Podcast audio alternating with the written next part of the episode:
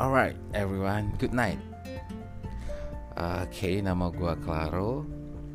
Kali ini, ini ini uh, my first podcast, jadi uh, jadi sorry kalau misalnya agak kaku-kaku gitu ya.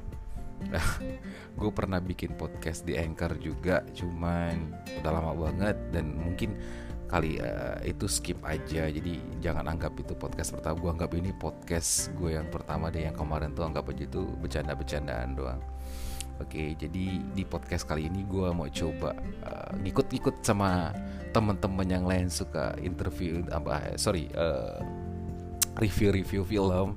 Jadi gue coba deh, gue gua nge-review film yang yang gue suka gitu, review-review film-film versi yang gue suka gitu.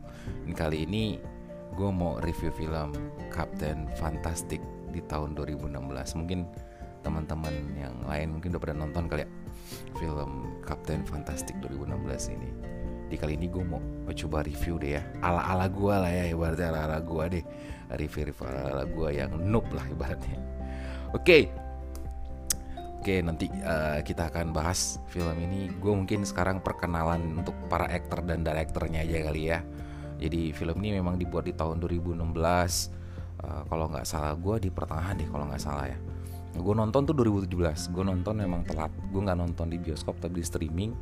Uh, jadi uh, sebenarnya sini apa ya kayak film film keluarga sih sebenarnya bukan superhero dari judulnya sih memang uh, kelihatannya film superhero gitu ya Captain Fantastic. Tapi enggak ini bukan film superhero. Jadi ini sebenarnya uh, lebih cerita ke keluarga sih ya. Lebih tentang keluarga uh, kisah seorang orang tua yang membesarkan keenam anaknya. Nah, jadi kayak gitulah ceritanya. Jadi bukan superhero. Jadi mungkin Captain Fantastic tuh lebih diarahin ke orang tuanya. Ya memang film ini sebenarnya sih menceritain tentang single parent. Jadi papa seorang bapak gitu kan, seorang bapak uh, yang single parent yang ditinggal sama istrinya meninggal dan dia harus membesarkan keenam anaknya gitu loh. Nah, jadi film itu kurang lebih tuh uh, kayak gitu. Uh, jadi jalan ceritanya tuh ya kehidupan mereka lah, kehidupan orang tuanya dalam didik anaknya. Gitu. Cuman emang film ini sebenarnya inti film ini ceritanya sih receh sih kalau gue bilang. Dia jadi ceritanya tuh sebenarnya memang mau mewujudkan ya, ceritanya tuh kayak mewujudkan wasiat wangsit dari mamanya dari istrinya. Jadi ceritanya kan mereka nih sekeluarga itu tinggal di hutan. Jadi ceritanya sebelum ibunya meninggal itu mereka tinggal di hutan. Mereka nggak suka dengan tradisi apa ya budaya kekotaan. Jadi mereka eh, sengaja pindah ke hutan dengan cara uh, mendidik anaknya tuh ala-ala mereka lah, ala-ala idealis mereka gitu Nah, jadi keenam anak ini dibesarkan di hutan dengan metode pembelajaran orang tuanya ya, metode modern sih orang tuanya juga pinter-pinter gitu kan.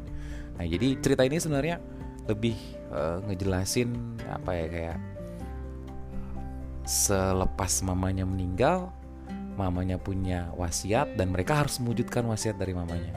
Simple ceritanya sih sebenarnya simple. Apa inti kayak apa ya alur cerita dari awal sampai terakhir itu misi mereka cuma mau ngelaksanain uh, wangsit dari nyokapnya gitu dari mamanya gitu dari istrinya jadi istrinya tuh atau mamanya nama anak ini tuh minta ketika mereka ketika mamanya meninggal gitu kan mereka pengen uh, sorry ibunya tuh pengen mamanya tuh pengen kalau jasadnya tuh dibakar gitu dikremasi. Nah sedangkan memang uh, orang tuanya mamanya ini mama yang meninggal ini itu dia berkeyakinan agama Kristen. Jadi yang harus lihat pemakaman gitu. Jadi uh, mamanya sebelum meninggal tuh kasih wasiat gitu ke anak-anaknya sama ke suaminya ke bapak anak-anak ini. Gue mau dikremasin gue mau dikremasi gitu kan gue mau dibakar. Nah terus tolong abunya tolong uh, dibuang di toilet bandara. Itu aja. Jadi misi mereka tuh gitu doang. Nah jadi kendalanya adalah uh, dengan kakeknya anak-anak ini atau mungkin mertuanya dari si bapak ini adalah Kristen taat jadi yang harus pemakaman. Nah bentroknya di situ, bentroknya di situ. Jadi mereka tuh uh, pro dan kontranya di situ gitu. Mereka tuh nggak nyambung gitu nggak nyambung dengan kakeknya gitu yang cara tradisi pemakaman secara agama. Nah sedangkan mamanya atau almarhum ini mintanya dikremasi. Nah sebenarnya intriknya di situ sih. Maksudnya uh, apa ya ibaratnya case-nya di situ. Kasus kasusnya tuh yang bentrok tuh di situ yang bikin cerita ini unik gitu cuman sebenarnya sih eh, nggak uh, itu doang gitu. Kalau gue ngeliat sih film ini emang banyak banget uh, apa ya nilai-nilai nilai-nilai sosial ya kalau gue bilang film ini. Gue tertarik sebenarnya gue random nonton filmnya gue random pas gue nonton nih kayaknya seru nih. Gue kira itu film superhero ternyata enggak nah dari awal cerita sampai 20 menit emang ter apa ya jadi kayak kesan membosankan. Fun gitu doang. Kayak fun gitu. Oh cerita kayak gini-gini. Tapi setelah 20 menit ke atas tuh gue ngerasa banyak apa ya banyak nilai-nilai sosial gitu. Banyak nilai-nilai ya, kebajikan ya dari papanya dalam mendidik anak-anaknya gitu. Nah itu yang bikin gue oh ini kayaknya keren keren nih film. Makanya gue lanjutin sampai habis tuh film. Jadi film ini uh, nggak berat-berat banget emang film keluarga. Film remaja remaja kayaknya udah bisa nonton deh. Ya apa ya film yang nggak terlalu berat banget lah ringan gitu. Tapi banyak nilai-nilai sosial di situ. Gue seneng gue seneng cara ngedukasi papanya ke anak-anaknya dan respon anak-anaknya terhadap pengajaran papanya gitu. Gue seneng banget. Nah jadi papa ini idealis banget. Kedua orang tua ini idealis idealis banget dalam didik anak. Maksudnya mereka semua diajarkan supaya menanggalkan budaya kekotaan. Back to nature jadi mereka papanya khususnya tuh emang idealisnya tinggi banget. Uh, jadi dia nggak mau anak-anaknya tuh keracun dengan budaya kekota-kotaan gitu. Jadi di film itu tuh pokoknya ada deh kalimat-kalimat dari papanya nih gitu kan yang kayak sar satir ya satir ke ke dunia globalisme gitu loh. Kapitalisme itu tuh satir banget ngejarin anak-anaknya. Ini keren sih keren. Kalau gue bilang sih keren-keren banget. Jadi memang karakter papanya itu memang keras banget ya seorang laki ya. Keras banget yang harus mendidik anaknya dengan cara keras gitu loh. Uh, keren sih kalau gue bilang cara didikannya memaksa ngepus anaknya untuk menjadi bisa. Itu bagi gue keren. Ditambah itu dia pakai silsilah silsilah gitu dia pakai bahasa bahasa quotes ya quotes quotes uh, kebajikan dari orang-orang zaman dulu lah. Nah itu yang bikin gue seneng nih film. Jadi gue kayak ini bener juga nih kata bokapnya gitu. Oh iya bener juga ya nah terus alur ceritanya juga keren. Jadi gue bilang nih film ini keren selain dia punya nilai-nilai positif gitu kan nilai-nilai sosial yang bagus untuk kita cerna gue seneng alur sutradara si Matt, Matt Ross nih dia bikin plot film itu keren. Jadi kita tuh kayak dari pertama nonton dari pertama nonton kita tuh kayak nganggap uh, sampai satu jam sampai sekitar 40 menit deh. 40 menit tuh kita tuh kayak nganggap bapaknya itu tuh yang superhero gitu tokoh utamanya tuh papanya yang pokoknya yang orangnya yang tuh yang ini kayak dia nih. Ini dia nih tokoh utamanya istilahnya gitu ya. Kayak dia tuh sosok sentral ya gitu. Tapi di setelah menit ke 40 ke atas kita nganggap dia tuh kayak antagonis gitu dia tuh kayak yang jahat gitu dia yang kayak jahat banget ke anaknya. Walaupun di endingnya tetap aja dibalik lagi tuh plotnya. Jadi papanya memang yang keren gitu loh. Itu makanya gue bilang film ini unik sih bagi gue pribadi ya. Uh, jadi ceritanya tuh ya kan mereka punya misi ya. Jadi misi uh, apa ya kayak kayak uh, menuruti kemauan almarhum gitu kan. Jadi begitu dari hutan nih ke kota gitu kan dari hutan ke kota. Ini bukan spoiler ya gue cuma ngejelasin secara besar garis besar aja. Nah, jadi dari hutan ke kota ke tempat pemakan mamanya gitu kan ke acara penguburan mamanya. Mereka tuh mau ngambil mayat mamanya gitu. Mereka tuh mau ngambil mayat istrinya untuk dikremasi. Ya cuman bentrok sama mertuanya nih kakek anak-anak ini gitu loh orang tua dari uh, almarhum. Nah, mertuanya atau kakek anak-anak ini itu tuh nganggap ya itu cara yang layak gitu loh cara yang layak. Ya gue makamin anak gue gitu loh ibu kalian tuh gue makamin dengan cara yang sopan nggak seperti itu gitu kan. Dan memang memang rupanya setelah kita uh, berjalan 35 ke atas kita baru tahu kalau mama dari anak-anak ini emang punya penyakit yang kayak ibaratnya mudah lupa gitu ya. Mudah lupa terus juga mut-mutan gitu. Jadi uh, orang tuanya itu nggak setuju. Orang tua dari almarhum ini atau kakek nenek anak-anak ini atau mertua bapak si papanya ini itu tuh e, nganggap anaknya itu sakit. Makanya dia bisa nulis uh, sorry makanya dia bisa nulis surat wasiat itu gitu loh. Nah, anaknya itu memang sakit kondisi jiwa itu nggak uh, nggak stabil gitu labil. Jadi sa, uh, sekapanpun dia pengen ngomong tuh suka beda-beda. Jadi dianggap tuh uh, wasiat itu tuh salah gitu. Wasiat itu tuh dibikin dalam kondisi yang sakit. Makanya orang tua dari almarhum itu nggak setuju kalau itu dikremasi dan mereka tuh Kristen gitu agama beragama Kristen yang taat yang harus dimakamin gitu harus masuk gereja gitu kan. Nah, jadi itu lucu sih bagi gue jadi yang mereka datang dari hutan gitu kan dari hutan ke kota gitu kan. Nah terus mereka masuk ke gereja di acara pemakaman. Itu yang rusuh gitu. Rusuhnya tuh bapaknya yang necis banget kayak kayak kayak kaum hypeis gitu kan kayak grupis gitu yang dandannya necis norak kayak gitu ngomong pidato yang gak jelas gitu. Itu tuh kayak gila nih bokapnya nih. Gue tuh gue ngerasa tuh bokapnya di situ jadi antagonis gitu ya memaksakan kehendak sendiri. Makanya gue bilang dari awal sampai 30 menit ke atas 30 menitan itu kita tuh kayak dibawa uh, di diseret gitu ya pola pikir kita diseret. Kalau papanya tuh memang dia yang tokoh utama gitu dia sosok sentral yang baik banget gitu kan. Tapi setelah 30 menit ke atas kita nganggap papa itu wih gila nih orang. Ini sakit nih orang nih gitu loh. Jadi kayak dia yang jahat gitu loh. Malah uh, si mertuanya atau kakek anak-anak itu yang baik. Jadi uh, kita kayak dibawa alur ke situ gitu kan. Dan anak-anaknya baik. Jadi kayak bapak ini yang paling jahat deh gitu di 30 menit ke atas. Jadi ceritanya tuh uh, complicated gitu deh. Jadi akhirnya berantem. Akhirnya berantem bapak sama anaknya gitu gara-gara idealis yang berbeda tadi gitu di pertengahan cerita tuh mereka tuh berantem. Yang bilang bapaknya jahat lah kakeknya nih. Yang orang tua almarhum ini bilang lu tuh jahat lu tuh nggak bisa ngedidik anak gitu dengan cara kayak gitu nggak bisa lu ngedidik anak. Jadi kayak dikata-katain bapaknya. Dan kita setuju bener juga nih bapaknya nih gini kan?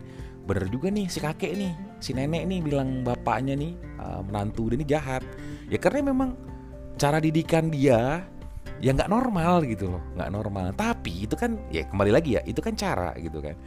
Itu kan cara. Jadi di situ tuh di satu jam di satu jam uh, film mulai itu setelah mulai itu kita tuh dibawa tuh kayak papa yang jahatnya gila emang nih. Jadi kayak apa ya di, dibalik plotnya gitu.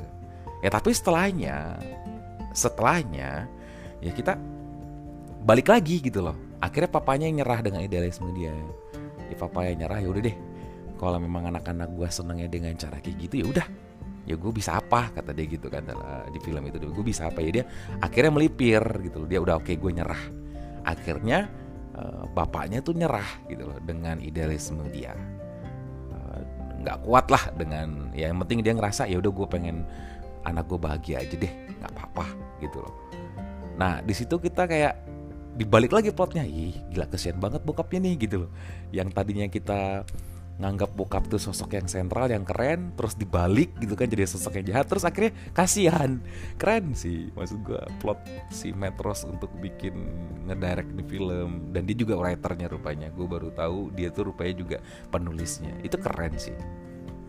Jadi memang uh, eh, gue terus terang sih banyak banget ngambil hal-hal positif dari film ini cara mengedukasi anak seperti apa cara bersosial tuh seperti apa. Jadi anaknya tuh kejadian anaknya ketemu sama orang gitu kan kenalan sama orang di kota tuh kayak gikuk gitu loh. Gue banyak uh, terus ada juga kejadian lucu yang bokapnya tuh di taman gitu kan. Perjalanan dari hutan ke kota tuh dia istirahat dulu di taman gitu kan sama anak-anaknya. Yang bokap itu telanjang gitu kan makan di luar gitu kan makan di taman gitu kan di meja makan gitu. Terus telanjang bulat gitu loh. Anak-anaknya biasa aja. Kayak nganggap tuh biasa aja. Cuman orang orang dalam taman tuh nganggapnya aneh gitu. Itu tuh gue gue ngeliat di ya ini kan apa ya nyentrik sih hal yang baru gitu. Yang bokapnya dengan idealis seperti itu gitu. Harus harus apa bertabrakan dengan budaya kota gitu loh. Yang nggak sinkron dengan gaya dia. Itu lucu sih. Film ini keren sih gue aku ini film ini uh, keren lah. Banyak ya selain banyak nilai-nilai sosialnya banyak kata-kata bijak gitu loh. Selain metode papanya apa ya papanya ngedidik anak-anaknya dengan baik gitu kan dengan cara dia dengan idealis dia dan cara respon anak-anak yang menanggap, menanggapi pengajaran bapaknya gitu. Bagi gue nih si film keren sih. Uh, di 2016 nggak sengaja gitu 2017 gue nonton nggak sengaja. Wih keren juga nih film. Ya gue ngikutin. Durasi film ini kira-kira satu jam setengah lah. Satu jam setengah. Memang yang tadi gue bilang di awal memang terus terang uh, film ini sih sebenarnya kayak receh lah ya cerita. Gimana sih kayak seorang orang tua single single parent ngedidik anak-anaknya seperti apa ya? Kayak gitulah ya. Ya pada umumnya cerita-cerita yang lain ya. Cuman yang uh, hal positif yang gue dapet dari film ini apa ya gue bilang yang banyak gue ambil itu itu. Uh, dari awal sampai akhir banyak banget pesan-pesan moralnya. Banyak banget nilai-nilai sosial yang gue petik gitu loh. Banyak banget.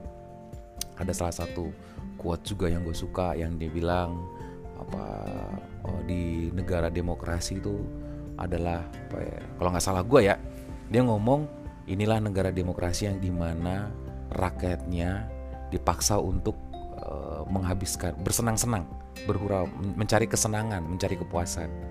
Wah gue bilang satir banget nih gue bilang bokapnya ngomong ke anak-anaknya. Jadi waktu itu perjalanan dari hutan ke kota tuh anak-anaknya tuh kayak udik gitu loh kayak norak banget ngeliat mall gitu kan dari di, di mobil gitu ngeliat mall ngeliat gedung-gedung itu kayak norak banget. Karena memang anak itu dididik di hutan gitu. Mereka tuh nggak pernah ke kota. Even bahkan anak pertama itu banyak banget tawaran beasiswa tuh ditolak-tolak. Padahal dia nggak sekolah. Dia kayak homeschooling sama bapaknya gitu. Jadi emang mereka tuh bener-bener kayak orang hutan lah yang nggak pernah ke kota. Nah itu lucu sih. Jadi uh, bapaknya yang bawa mereka ke kota gitu mereka yang norak banget gitu kan kayak gimana uh, belum pernah lihat kota ya bapaknya ngasih tahu gitu. Tapi ngasih taunya itu dalam bentuk satir gitu itu keren sih keren. Uh, ya gua anggap film ini keren pribadi ya gue pribadi. Mungkin teman-teman juga udah udah banyak banget pasti yang nonton. Pasti tau lah film ini. Nggak film ini sih memang nggak uh, booming banget ya kayak nggak terlalu booming kayak film-film yang lain. Uh, tapi gue suka film ini. Gue pribadi suka drama komedi drama keluarga gitu. Gue suka banget nah kalau gue sih ngelihat ya itu pandangan gue film ini tuh banyak hal positifnya. Nggak tau deh teman-teman yang lain mendanggap menanggapi film ini seperti apa. Ya kalau misalnya teman-teman memang udah pernah nonton film ini punya experience gitu punya pengalaman yang beda seperti yang gue ceritain tadi ya boleh komen boleh message uh, kirim message ke gue apa sih kalau kalian ya nonton film ini apa sih yang kalian tangkep gitu dari film ini film? Gue anggap nih ya film receh yang bijak ya gitu ya. Film receh yang bijak kalau gue bilang sih ya. Tapi nggak tahu deh kalau teman-teman yang lain yang sudah nonton atau yang belum nonton boleh boleh. Kalau yang belum nonton sok sok silakan atau ditonton film ini. Keren filmnya. Uh, film yang ringan uh, tapi ya banyak pesan-pesan moralnya.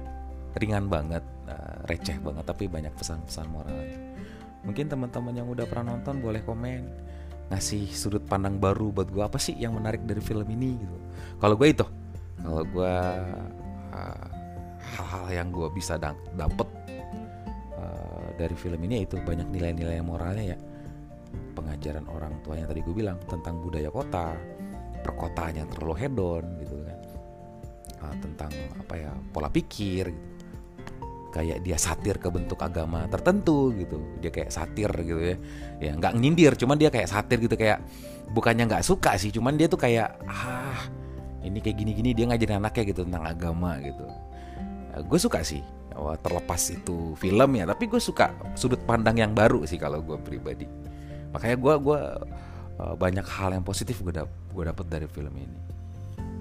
Apalagi kayak gitu paling kayak gitu yang bisa gue ceritain tentang film ini ya memang bukan review secara garis besar sih ya. Soalnya kalau review secara garis besar tar spoiler juga kan? Gak enak juga kalau misalnya gue bikin spoiler.